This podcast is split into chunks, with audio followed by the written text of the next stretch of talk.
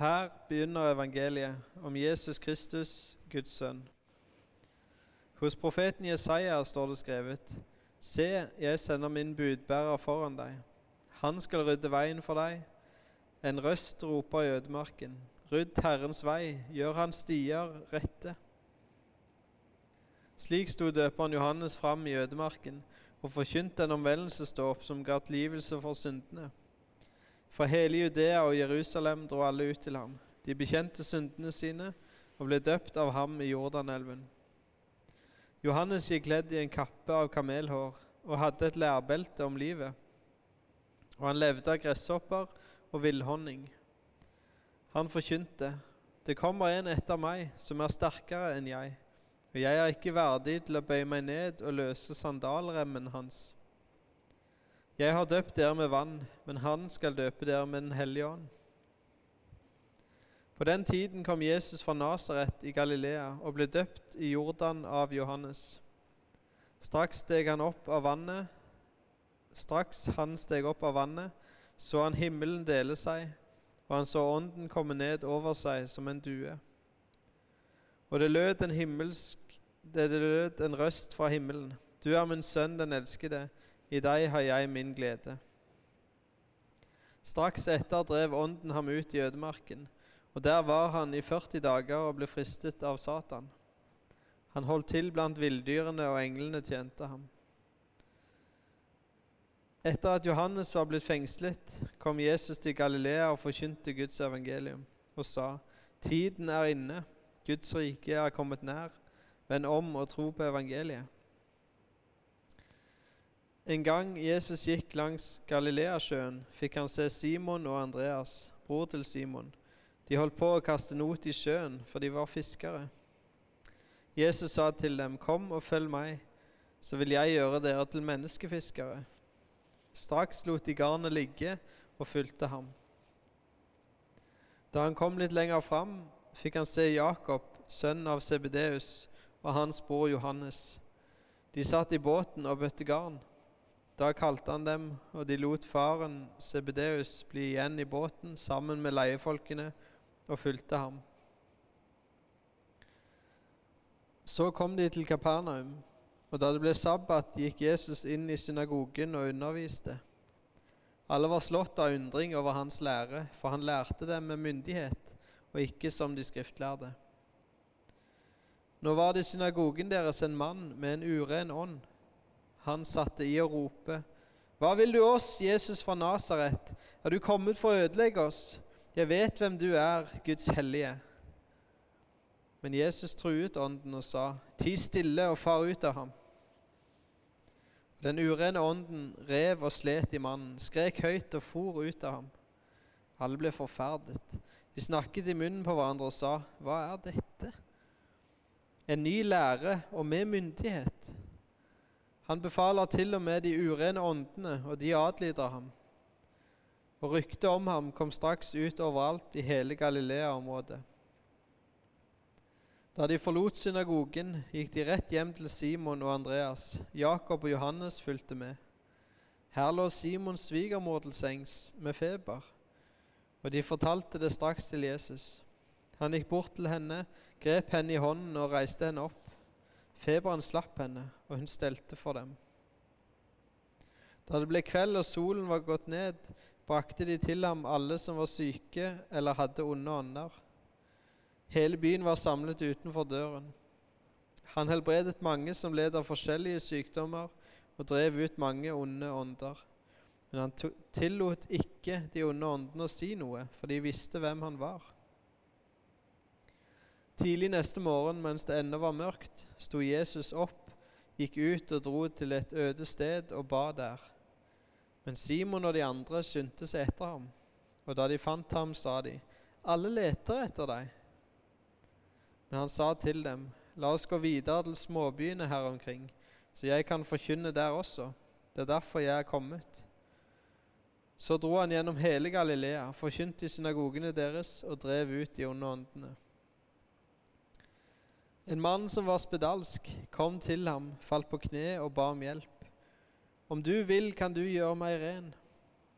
Jesus fikk inderlig medfølelse med han, rakte ut hånden og rørte ved ham.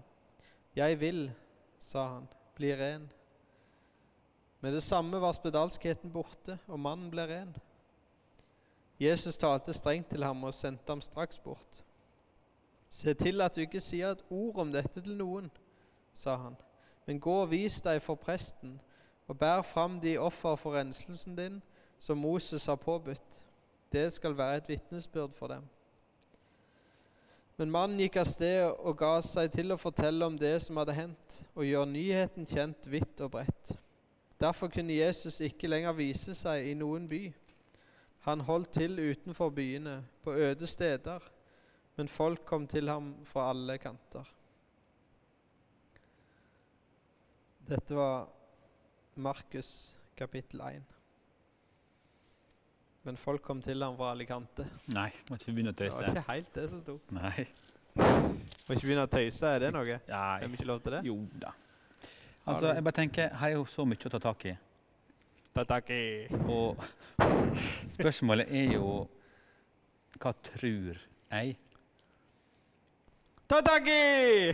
Vær så snill, da, Joakim. Eh, Ja. altså, evangeliet om profeten Jesaja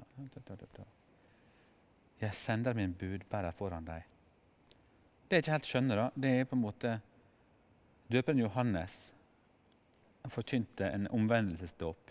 Mm. Men Jesus var ikke kommet ennå.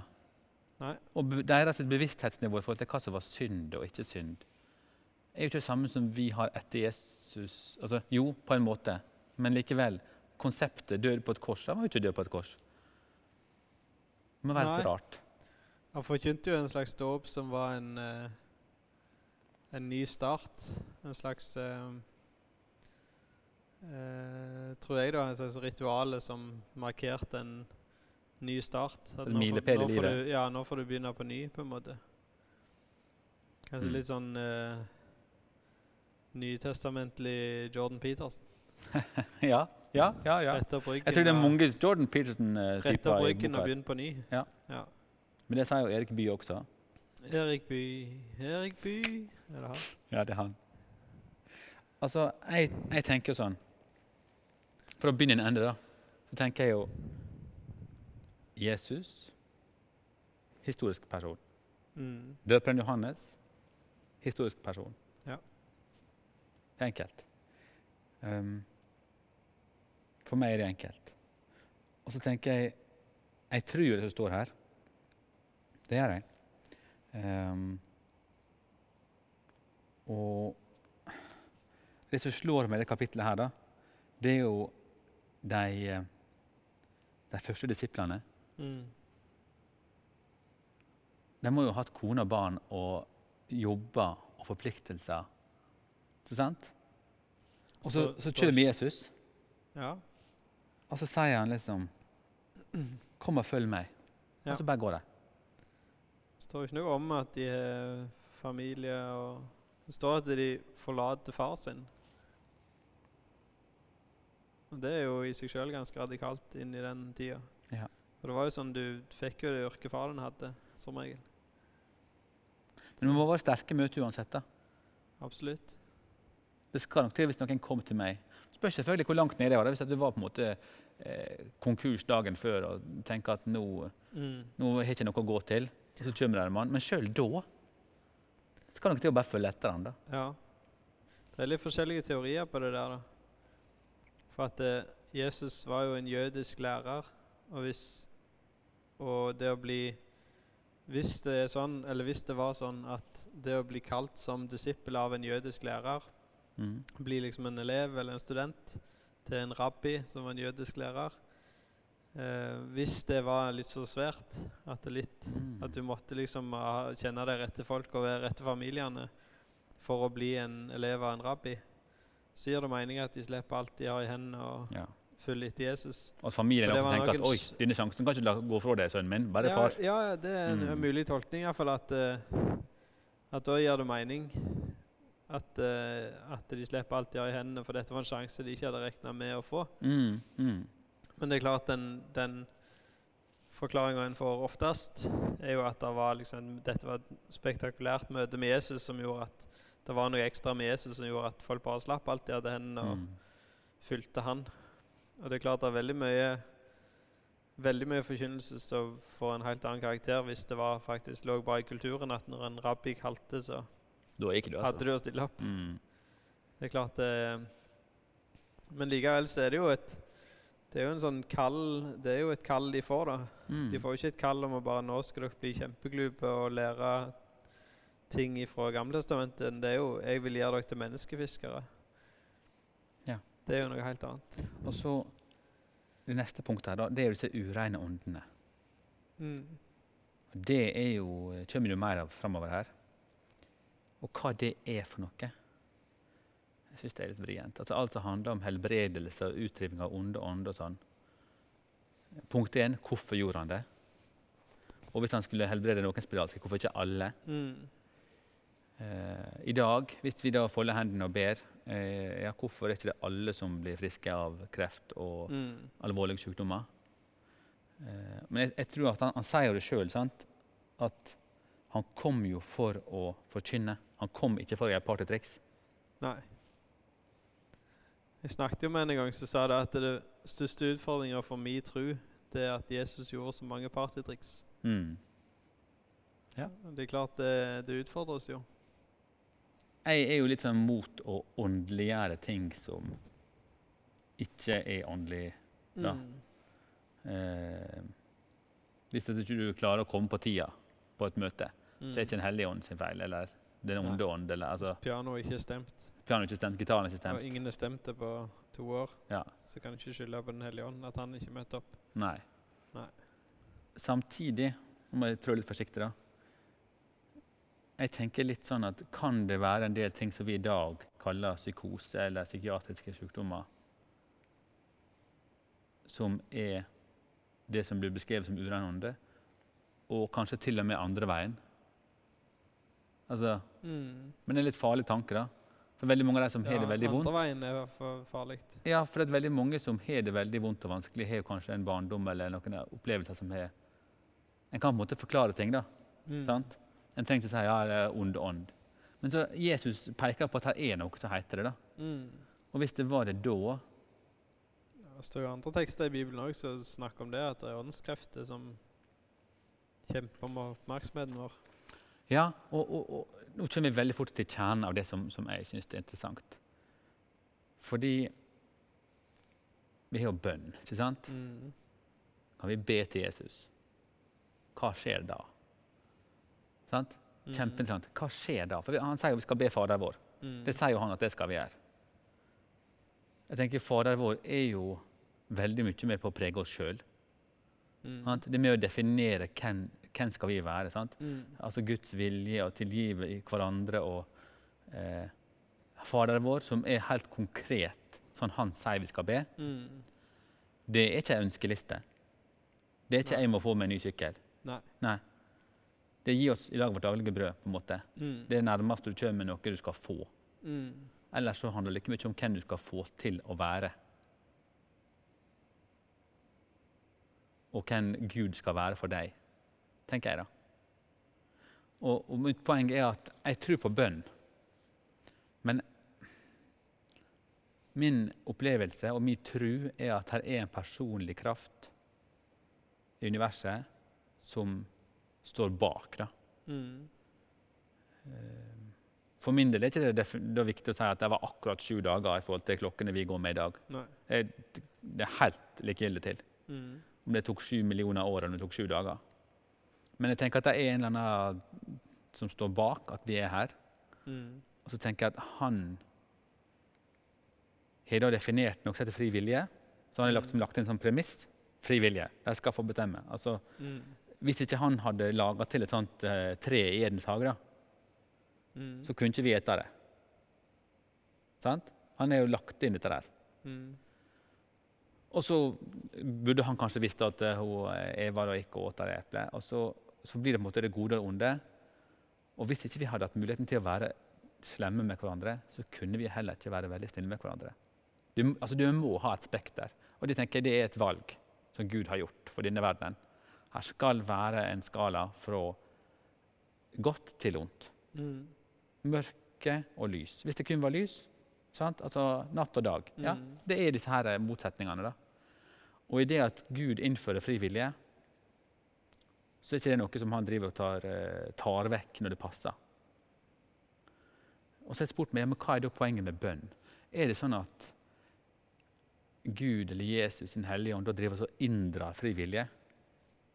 Så tenker jeg, så begynner jeg en ende der også. Så tenker jeg at ok, Joakim, jeg skal be om at Joakim må eh, slutte på fotball. Mm. Altså, det bærer jo ingen frukter. Det er ingenting bra med det. Jeg tror ikke at Hvis du ber om noe som er dumt, så får du det. Altså, ja. ja. Men hvis du ber om noe som er godt, da, så jeg ber om noe som er kjempegodt, Mm. vil han Joakim da få inndratt frivillige? Jeg tror ikke det heller. Men jeg, altså, mange mennesker snakker jo om magefølelse. De snakker om innskytelser. Jeg kom på at jeg skulle ringe til noen. Mm. Og det er litt Det rommet er litt åpnere, da. Jeg kan si at jeg, jeg satt i bilen og tenkte å, jeg må ringe til henne. Mm. Sånn at jeg kan komme på det. Mm. Jeg opplever at jeg gjør meg sjøl.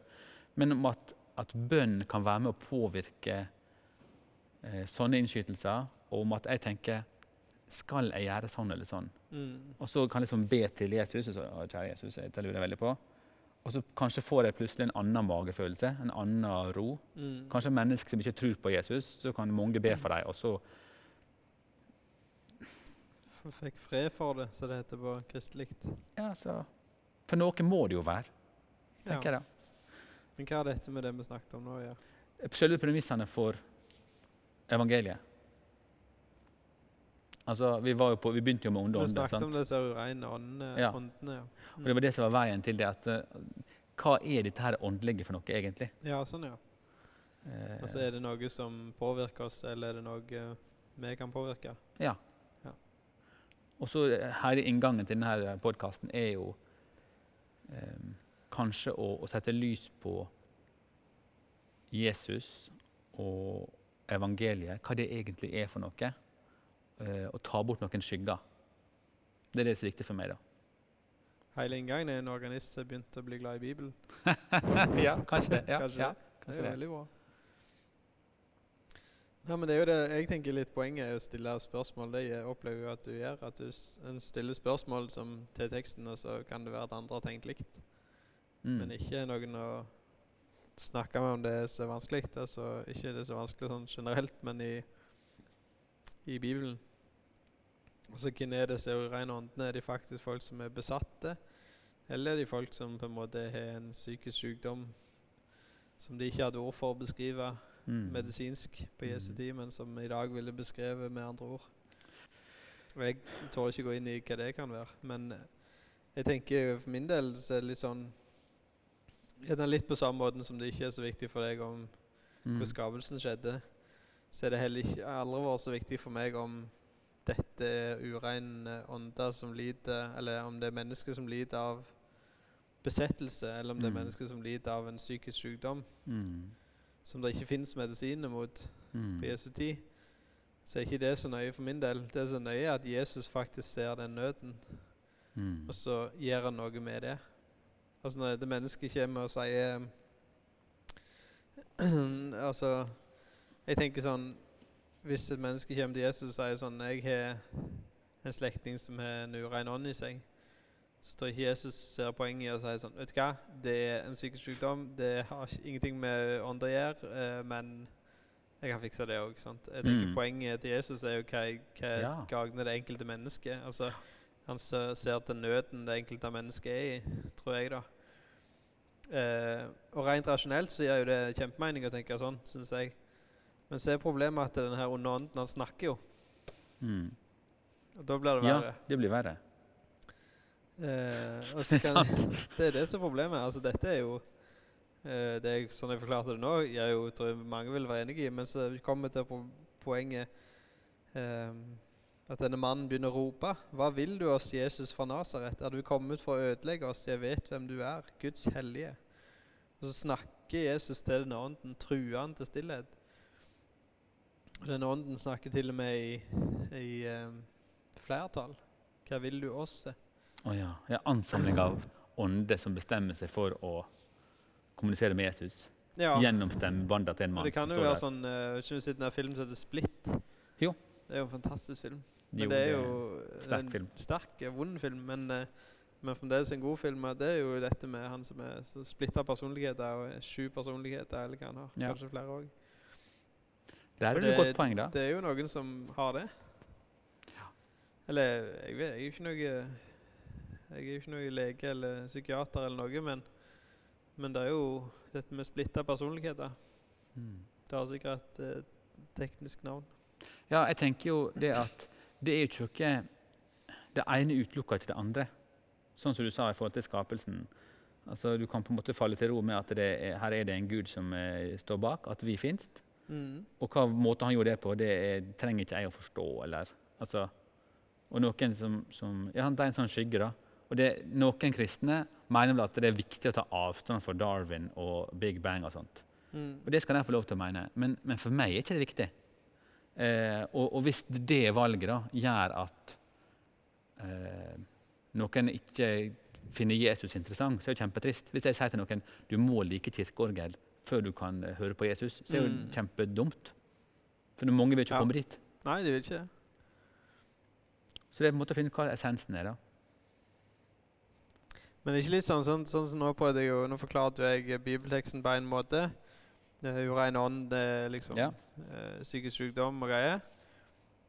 Og så, og så må vi liksom stoppe og si sånn Nei, vent litt, så enkelt er det jo ikke. Nei.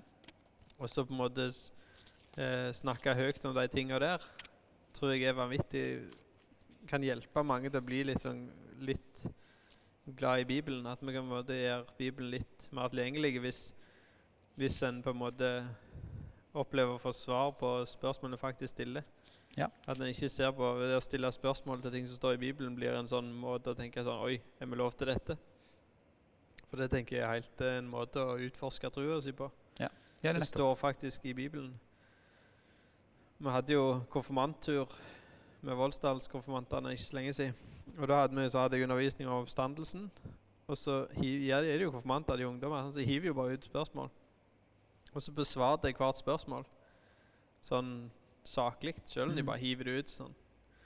Om det her største stridstemaene i kristen tro. Mm.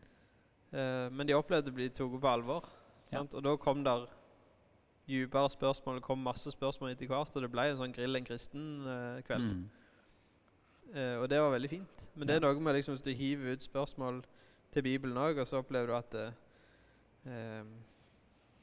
Oi, jeg får svar. Det er folk som er interessert i å snakke om de vanskelige tingene i Bibelen. Ja. At det er greit. Eh, det var en konfirmant som sa det at eh, at eh, Bibelen er litt som en isbil. og det jeg syns ikke det var så dumt, for det liksom, eh, isbilen kommer jo. Eh, og så kan du Er det ikke alle isene i den isbilen du liker? Nei. Du kjøper de du liker, Hmm. og så lar du resten ligge.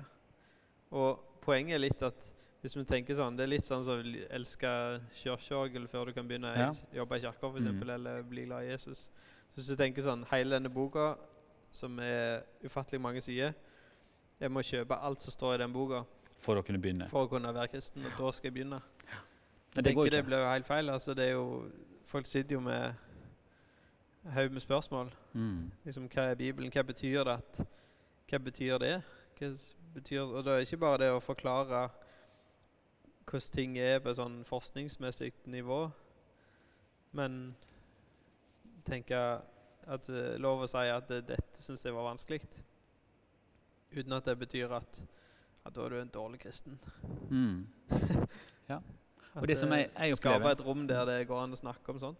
Ja, jeg er helt enig med deg. Og det jeg opplever i samtaler med, med folk, enten de kaller seg kristne eller de er liksom veldig tydelige på at de ikke er det Noen der sier de er veldig konservative, noen sier de er superliberale, og er på en måte bevisst på, Mm. på det. da. Eh, så kan det jo gå i noen sånne eh, skyttergraver på en måte, hvor en, ja, men det fastholder jeg. sant? Mm. Og skal du samtale om noe, så må du jo gi og ta. Mm. Altså Det er forskjellen på en måte å diskutere og det er på en måte informere. Mm. Og sånn som når jeg og du nå sier at nei, måten skapelsen skjedde på, eh, det legger vi i potten. Sant? Det, er, det er ikke et stridstema. Men konseptet, altså hvem som står bak, er viktig. Og på Mm. samme måte som det så har jeg erfart at noen, noen gode samtaler jeg har hatt, da, hvor jeg har sagt at hvis du legger en premisset med en, en eh, bevisst skaperkraft, en gud, som har satt opp noen rammer for dette her opplegget, Mm. Så kan han ha laga noen rammer som vi i Norge i 2020 tenker så dumt kan det da mulig være. Men han kan faktisk ha gjort det. For han er Gud. ikke sant? Mm. For det, det er jo veldig sånn på, på demokrati og det flertallet mener, vi må jo liksom være progressive. Og, og vi må være, liksom, ha de verdiene som Noen kardemommeverdier, verdier, da, på en måte. Mm. Og det er jo veldig bra, men, men eh, uten å måte, spore inn på ting som, som blir sånn store stridstema, så måtte danne en sånn enighet om at hvis vi tror på en personlig Gud som har gjort noen valg på et tidspunkt, Mm. F.eks. at han sier ja, fri vilje. Eh, hvis dere skal eh, være gode mot hverandre, så må det også være noen som eh, ikke bryr seg om noen andre og bare er fæl. De folka må vi ha plass til for å skape denne paletten. Mm. Så kan han si, ja, Det gjør jo at det blir forferdelig mye vondt i perioder i livet til enkelte mennesker. Mm. Det blir jo folk som har det helt grusomt. Ja, men Det er en premiss for at andre skal ha det godt. Mm. Um, og så kan vi si ja, men så burde ikke det være. Nei, men, men sånn har Gud satt det opp. da. Da er du inne i utvelgelsesdebatten med en gang. i forhold til. Nei, altså Er noen utvalgt til frelse og fortapelse? Det er jo det spørsmålet du er inne i med en gang. Og det er jo det, er jo det som gjør ehm, teologien så vanskelig. Mm. Ikke vanskelig, det er jo mange ting, det. Men, men det, det er dette med at når du begynner å utforske ett spørsmål, Mm. så finner du ut at oi, det rokker jo med Mm. et Det annet berører et spørsmål. Det er sånn dominoeffekt som rokker med oi, det rokker med oi, oi, oi, oi, oi, oi. Men, Men det betyr sånn, betyr jo at Men sånn er jo livet. Ja, nettopp. Sånn er, ting henger jo sammen. Men det er jo det som gjør det spennende òg. Ja. Altså hvis vi Altså han eh, Jakob Jervel, Mm. en gammel eh, teolog, han er vel død nå. Men han sa jo det at eh, far hans fraråder han å bli prest. For Ja. teologien den er til deg levende. Eller er til deg heil, eller noe sånt. sånn. Mm. Den tar hele deg. Ja. Og det kan jeg forstå. Perspektiver blir rokka med. Ja. Ja. Klart det blir det. Og det er klart, og det er derfor jeg tenker det er helt sånn ufarlig å tenke at noen ting i Bibelen er en enig i, og noen ting er en ikke enig i. Mm. Men en må forholde seg til at det står der. Altså, og om en vil eller ikke. Og så er, det ikke, så er det noe med at hvis du slutter å forholde deg til en ting, så har det innvirkning på hvordan du tenker om noe annet òg. Hvis du tenker at eh, nei, disse onde åndene som vi snakker om i Markusevangeliet, det er bare psykisk sykdom Mm. eh, Hvorfor eh, da Men Jesus sender jo onde ånder ut fra et menneske. Tar det ut av et Mm. menneske og renser det mennesket og sender det inn i en griseflokk på et eller annet Mm, tidspunkt. mm. Og den griseflokken omkommer. Mm. Det kommer litt lenger bak, faktisk. Ja, i Markusevangeliet. Eh, og det, hvis du da tenker, er dyreverner og tenker sånn Ja, Jesus, hvordan Mm, ja. hang dette sammen, da? Dette likte jo ikke jeg at du gjorde. Nei. Uh, så er det noe med at eh, hvis Jesus skal være en sånn så du på en måte kan Jesus Jeg kan stille meg bak alt Mm. som Jesus gjør, så lenge jeg liker det. Ja. Så blir Jesus veldig lett å velge, men vi ignorerer veldig store deler av Jesus. Ja. Altså Jesus som uh, kaller folk for uh, rev og uh, Altså folk som Jesus som bruker skjellsord, f.eks. Mm. Altså, hvordan forholder vi oss til den Jesusen? Nei. Hvordan forholder vi oss til den Jesusen som er superradikale? Hva betyr det at Jesus her i teksten en plass eh, eh, forbyr eh, folk å fortelle om han? Mm. Er det omvendt psykologi? Er det smart Ja, det er markedsføring? interessant. Ja. Jesus talte strengt til ham og sendte ham straks bort, står det i vers 43. Se til at du ikke sier et ord om dette til noen. Dette har jeg tenkt litt Hva på. betyr det? Og da kommer vi tilbake til noen kapittel senere her, hvor han eh, går enda lengre. Men eh, jeg tror det handler om at Jesus han visste at hvis jeg eh, Hvis det blir oppdaga at jeg er Guds sønn for tidlig, så får jo ikke disiplene engang. blir hengt på korset før det gått fem minutter. ja, men Skjønner du? Det er litt smell. Ja, men, altså, og du kan nesten tenke deg, Kanskje Jesus kom 500 år før han, men jeg oppdaga at shit, det gikk ikke. Neste gang så skal jeg, da skal jeg gå stille i dørene. Kanskje jeg har gjort det før? Ja, men, altså, ja, men jeg mener litt, det. Det er derfor han får det så bra denne, Ja. denne gangen, for han har prøvd før. Ja, men jeg tror det må være noe der. Altså, når han nekter deg å fortelle det, så, så eh, Han var ikke populær blant de som var rådende i landet. ikke sant? Han var jo Guds sønn og greier. Ja. Han visste det. At Men- dette ville funke sånn på mennesket. Men det du sier om Far min har jo skapt dere og greier. Ja. Altså, jeg vet at hvis jeg bare sier sånn Er det ikke litt sånn som syndefallet, da? At du, Gud setter opp en sånn stor eh, rød knapp midt i hagen og sier Mm, jeg kan trykke på alle andre knappene, men ikke på denne. Ja. Og så klart, mennesket gjør jo det. Det klart det ligger jo djupt i oss, det. Ja. Ikke gjør sånn, så gjør vi jo det. Og her sier Jesus ikke Mm. Uansett. Samme hva du gjør. Du kan fortelle alt annet, men ikke, Ikke det. dette her. Han er litt sånn en luring, da. Ja, jeg er luring. Jesus er en luring. Men, Men- mannen gikk av sted og ga seg til å fortelle om det som hadde hendt, og gjøre nyheten kjent vidt og bredt. Derfor kunne Jesus ikke lenger vise seg i noen by. Mm. Klart det, og ja, han eh, så nok risikoen med det.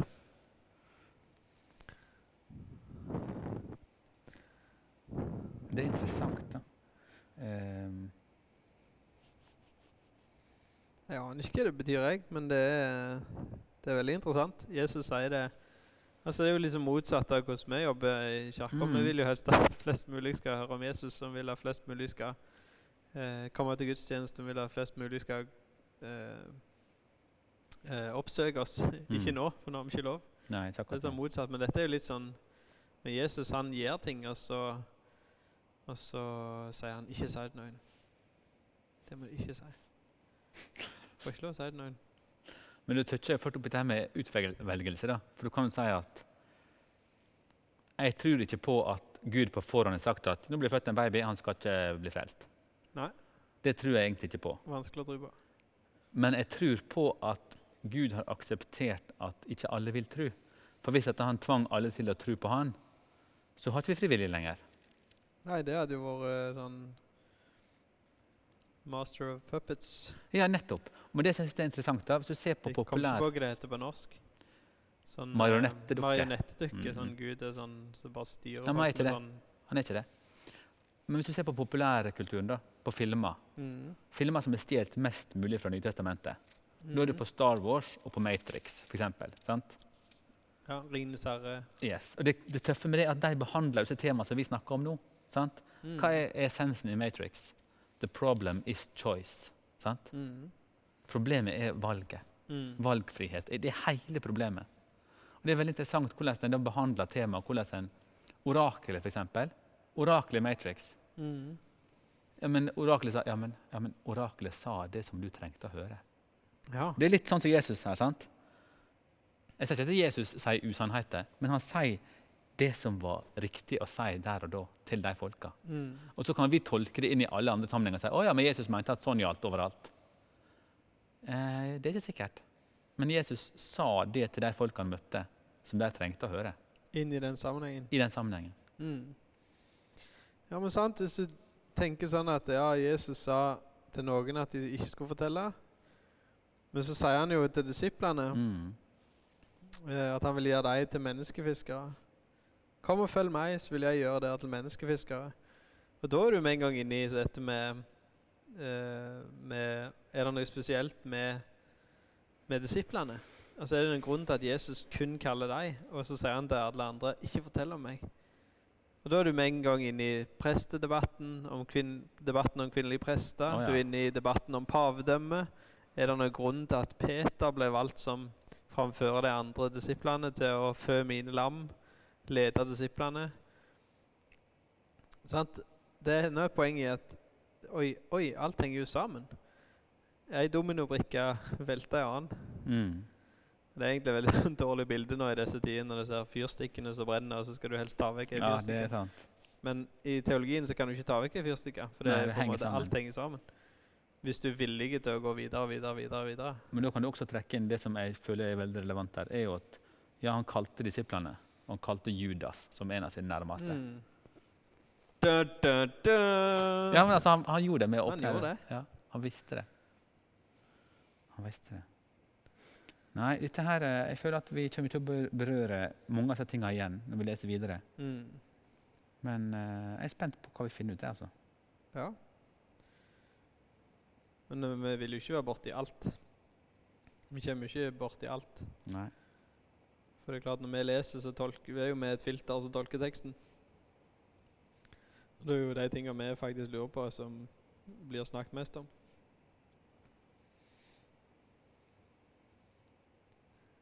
Men jeg tenker i forhold til ureine ånder, da, så tenker jeg Hva slags laster er det vi har da, i dag? Det er jo alt mulig, men, men folk som kanskje ja, Rusproblematikk, avhengighet av alt mulig rart, uvaner. Mm. At vi sitter på mobilene i stedet for å være med vennene våre. Mm. Um, og jeg tenker det, det som kanskje Jesus kan gjøre her, det er jo på en måte å frigjøre oss fra sterke mønster i livet våre. Det er på en måte det som jeg føler kan, kan være sånn uren. Og så kanskje personifisere seg i dag på samme måten. At de sier 'hallo, jeg er uren ånd'. Mm. For det var jo Jesus som så det. Det, det står ikke at de andre liksom snakket med dem. Ja. De andre snakket jo sannsynligvis bare med en person som tenkte han var gal. Ja. Ja. Men da er du igjen inne på dette med, med åndelige ting, da. Altså åndelige problem tenker jeg eh, kan være helt reelt. Jeg tror jo at vi blir eh, frista til å ta valg som ikke tjener trua vår. Men, men jeg tenker det er en ganske farlig måte å tenke på hvis du tenker sånn at eh, at det fritar deg sjøl for ansvar for Yes, det er akkurat det. Det Akkurat tenker jeg blir fort problematisk. Altså sånn eh, eh, Jeg skulle egentlig Jeg, jeg, skulle egentlig ha ringt til noen som vet at det er vanskelig. Det føler jeg skal gjøre, men så har Jesus sagt at jeg skal være inne og lese Bibelen heller, så da gjør jeg ikke det. altså, det er noe med Det er sikkert et dårlig eksempel, men det er noe med at at det at vi tror på at det er krefter som frister oss, eller leder oss til, frister oss til dårlige valg og leder oss til å ta gode valg. Mm. Eh, litt sånn den klassiske Donald-tegningen med djevel og engel på skuldra. Mm. Mm. Så tenker jeg det fritar oss ikke for et personlig ansvar for Nei. eget liv og for hvordan vi behandler andre. For jeg tenker Det finnes for mange tekster i Bibelen som handler om vår neste, Mm. og måten vi skal behandle dem, til at vi bare kan si sånn Sorry, jeg eh, kommer ikke til å bry meg om ungene i flyktningleiren i Moria, for at jeg skal være hjemme og lese Bibelen. Mm. Det er mitt oppdrag. Ja. Det kjenner jeg litt på som prest òg. Altså inn i en sammenheng i Norge der liksom folk blir ganske fort sure hvis kirka er litt for politiske. Mm. Det òg er jo sånn Det henger jo sammen. Altså Greit nok du kan mene det du mener i kirka når du forkynner, for da kommer folk til oss. Men det øyeblikket du går ut i media som prest for eksempel, eller biskop eller, og mener noe om eh, klimakampen eller flyktningproblematikk eller andre ting, da er det mange som sier stopp. Mm. Nå har du gått ut av mandatet ditt. Um, så det er klart det er en balansegang. da, Hvor mye skal vi Hva er på en måte vårt ansvar som kristne, og hva skal vi overlate til andre? Um, er det et poeng? Er det derfor Jesus sier til disiplene Kom, jeg vil gjøre dere til menneskefiskere. Og så sier han til alle andre at jeg kommer for å tjene dere, men dere skal ikke si det til en kjeft. Hmm. Er det det som ligger i det? Det en sånn form At han vil ha kontroll på det? Ja, kanskje det. Han vil ikke ha viskelegen, rett og slett. Han vil, vil på en måte ha kontroll på det som blir sagt. Mm. Jeg vet ikke. Tenker høyt. Ja, ja, ja. det er det som er Jeg, poenget. jeg, eh, jeg følger deg. Um, I feel ya, som de sier i Amerika. Nå ble det hagl på taket her.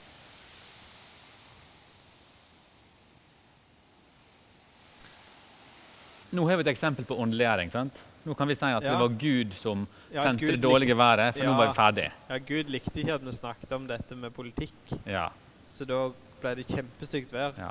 Sånn tenker jeg er feil. Det tenker Det jeg er et kjempeeksempel på hva som er feil. Ja. Ja. Men det er klart det hadde jo vært en veldig lett løsning. Sånn, vet du hva, Jeg så til kirka en dag, så snakket jeg om om kirka skal engasjere seg politisk eller ikke. Og da ble det kjempestygt vær ute. Ja. Eh, så det kan jeg ikke gjøre. Jeg kan ikke engasjere meg. Men det som jeg vil si i forhold til akkurat det der, det er, det er den personlige relasjonen dette her handler om. Mm. Og jeg tror vi som kristne de siste hundre, par hundre åra har nok rotta oss sammen, de som fungerer godt sosialt, i veldig vakre bygg. Og så ber vi for de som er på utsida. Mm. Men vi går ikke og hilser på de der de bor. Nei, nå skal vi jo ikke gjøre det. Nei, ikke akkurat nå. Nei, det er helt sant. Men, men, smitte og forskjellig. så det passer bra å ta det opp nå, når vi likevel ikke kan forandre oss. Ja. ja, det er sant. Men, Det er men, trygt og godt å snakke om det nå. Ja. Men jeg tror det er noe der da, i forhold til det med bønn. At du må gjerne be, men hvis at du sjøl er helt uvillig til å være en del av svaret, Mm. så er Jesus litt sånn bundet på hender og føtter. da. Fordi at han har sagt at jeg er, ja, jeg er allmektig, men jeg velger å være avmektig Mm. i denne sammenhengen. her. Dere skal være mine hender og føtter. Og så sier vi ja, jeg står bedre og leser Bibelen. Nei. Ja, men hvem skal da gå ned på eh, det huset der og, og bli venner med de som bor der? Ja. Nei, de må komme til oss. Uh, ja Jeg tenker jo det er en god regel ikke stille spørsmål hvis du ikke tåler å høre svaret. Tåler å høre svaret. Altså, si til Gud sånn uh, Ja, det er jo bønn, da. Herre, gir meg til redskap for din fred. Ja, det er mye brukt bønn. Og det er jo Mm. fine ord, det. Men hvis Gud da sier det, hvis du opplever Gud sier bare selg alt du eier, Oi sann. gi pengene til de fattige. Han Mm. sier jo det Ja, i. Bibelen. Mm. Eh, og så tenker jeg sånn ah, Akkurat det. det svaret, da. jeg kan gjøre alt det. annet, men akkurat det syns jeg blir vanskelig. Altså, det er noe med å si at um, uh, Det er noe med å si um, uh, at en, en har en tillit til Gud, og en kan be til Gud. Jeg har en tillit til Gud, han hører, han hører alle mine bønner. Men jeg, jeg tenker jo ikke at han kommer til å Jeg klarer ikke helt tro at han skal besvare mine bønner akkurat sånn som jeg vil. Nei. For det er noe annet. Et spørsmål som kom i den konfirmant, eh, på konfirmantturen, det var jo det Hvis Jesus hadde sagt til deg eh, Nå skal du gå ifra kona di, Mm. Ifra. hadde du da gjort det? Mm. Og da kunne jeg si med stor formodighet nei. Det hadde jeg ikke klart. For jeg eh, elsker kona mi. Jeg vil Mm. være gift med kona mi. Mm. Ehm, men det hadde jo betydd at Og da kom jo den, men det betyr jo at du ville gjort noe som Jesus ikke ville du skulle gjøre. Mm. Så sier jeg ja, du har helt rett i det. Mm. Det er noe med å kunne fastholde disse tingene uten å si sånn Vet du hva, du er en dårlig prest, en dårlig kristen for at du ikke vil gjøre alt Jesus sier. Mm. Og så fastholde ting som er djupt menneskelig, og anerkjenne at noen valg er bare veldig vanskelige. Mm. At blind lydighet er farlig. Ja, det er farlig. Og det å begynne å påvirke andre, ikke minst, det er iallfall farlig på noe sånn jeg føler at Gud har sagt til meg føler at at Gud sier at du Jeg det er kjempeskummelt. alt du eier og gi pengene til meg. Ja, men jeg, ja, det er kjempeskummelt. Og det er en del kristne opp gjennom tidene, og fremdeles i dag, som ser på det på en måte å leite etter bønnesvar i drømmer og i fantasier og i det indre øyet. Så så jeg ditt og datt. Mm. Og har det som en sånn uh, sportsgrein i, i sine sammenhenger. Eh, jeg tenker Det å åpne opp for å åndeliggjøre ting som virkelig er, er kanskje underbevisstheten sin eh, bearbeiding, at du kom frem på jobb i går og skammer deg litt over det. Og så plutselig så, så Ja, nei, jeg ser for meg en mann som uh, kjører bil. Altså, nå skal, så plutselig så lager du din egen historie, da. Og Hjernen vår lager jo bilder hvis vi ber enn om å lage Ja, bilde. ja. Så det er klart, eh, men det er klart, det er det som er vanskelig. sant? Det går an. Jeg mener at eh, Jeg er jo kritisk til veldig mange sånne ting. Men jeg påstår jo på ingen måte at folk som sier sånn, lyver. Altså, Nei, jeg nei, tenker nei. jo muslimer eh, Muslimer i Midtøsten som sier de har truffet Jesus i drømmer, f.eks. Jeg tenker det er helt reelt. jeg. Ja, kjør på. Jeg tar de på alvor når de sier det. Når de skriver det i bøker. Og jeg benekter ikke at det kan skje. Jeg tenker Jesus finner en vei eh, til å nå folk når det, ikke, når det ikke er lov å forkynne, når det ikke er lov å være kristen offentlig. Mm. Men det betyr ikke at jeg sier at alt folk påstår i drømmer og har drømt, er reelt. Nei. Alt du får Ja, det var veldig tøysete av deg. Altså. Alt du får en følelse for, er liksom Gud. Ja. Eh, hjernen vår har jo mekanismer den fungerer på. Mm. Vi kan ikke koble ut psykologien selv om vi tenker at eh, Gud besvarer bønn, eller Gud møter folk i drømmer. Nei, nettopp. nettopp. Vi Neste skal- gang skal vi lese i kapittel to. Ja. Så begynner vi fortellingen om Jesus og den lamme mannen. Ja.